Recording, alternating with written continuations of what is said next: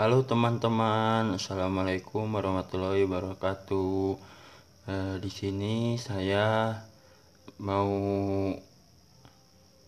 eh, jelasin tentang pod podcast virus corona yang ada di Indonesia.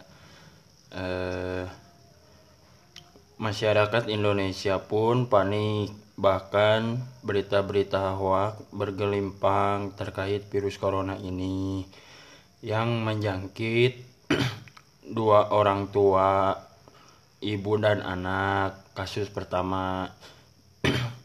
dan beredar pun foto-foto orang tengah belanja banyak kebutuhan pokok. Usut punya usut, rupanya itu memang belanja rutin yang dilakukan orang tersebut karena ia merupakan pedagang masyarakat masyarakat Indonesia tak perlu panik. Pemerintah kita sudah siap menghadapi virus corona ini yang kini sudah masuk ke Indonesia. Misalnya saja banyak rumah rumah sakit yang sudah disiagakan untuk menampung pasien positif dan maupun sus, suspek virus corona. Tak perlu belanja berlebihan, termasuk juga beli masker dan cairan pencuci tangan atau hand sanitizer dalam jumlah banyak.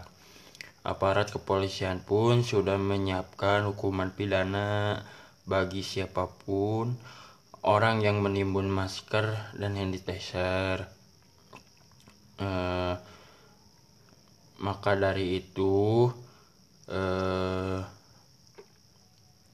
maka dari itu masyarakat Indonesia ag agar tetap tetap di rumah, uh, jaga kesehatannya, jaga imun tubuh, imun tubuhnya dan menghimbau agar seluruh masyarakat Nusantara jangan panik. Pokoknya uh, untuk warga Indonesia tetap jaga di rumah jaga kesehatannya dan jauhi dari kerumunan atau perkumpulan di luar rumah. Eh, sekian eh, dari saya eh, postcard ini. Assalamualaikum warahmatullahi wabarakatuh.